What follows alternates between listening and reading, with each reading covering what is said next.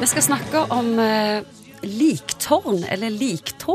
Jeg vet nesten ikke hva ordene kommer av, og helt hva det er, og det håper jeg at du kan hjelpe meg med. Ja, ja For de som har det, er plagt. Ikke sant? Det er de, virkelig. Fordi dette her er nok Du, liktårn, eller liktær Jeg er litt usikker. Det er så mange navn på dette her at det er vanskelig å vite akkurat. Men liktorn tror jeg jeg kaller det. Liktorn. Fordi det det er, det er et område vi har hud på en tå.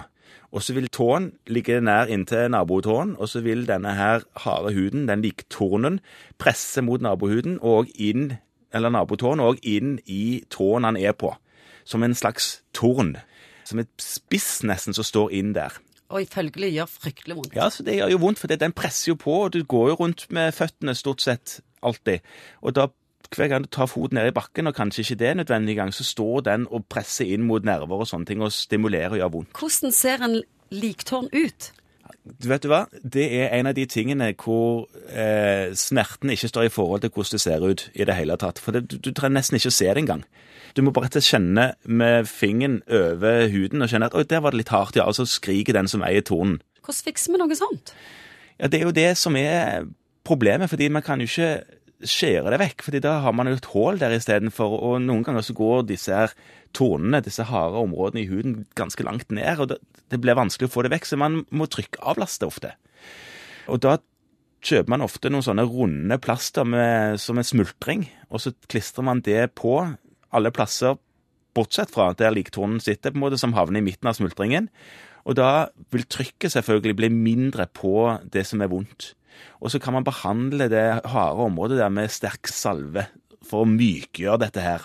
Og hudoppløsende salve som gjør at du kan liksom børste vekk mer eller mindre etter hvert av, av huden.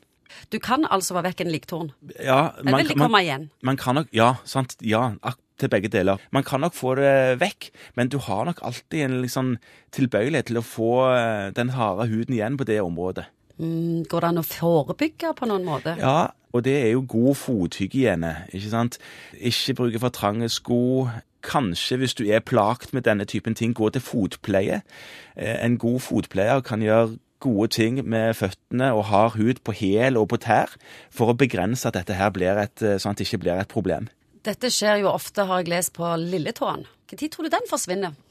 Evolusjonsmessig tenker du at eh, naturen finner ut at den trenger vi jo ikke. Han er jo tydeligvis bare i veien. Jeg har ikke noe godt svar på det. Det tar nok noen millioner år, og så forsvinner den. Og i samme rase så håper jeg neglene går òg. De har jo bruk for. Og potetene, ja. Ja, potet, ja, på hendene kan det jo være greit, for det, du- det greier å klø med.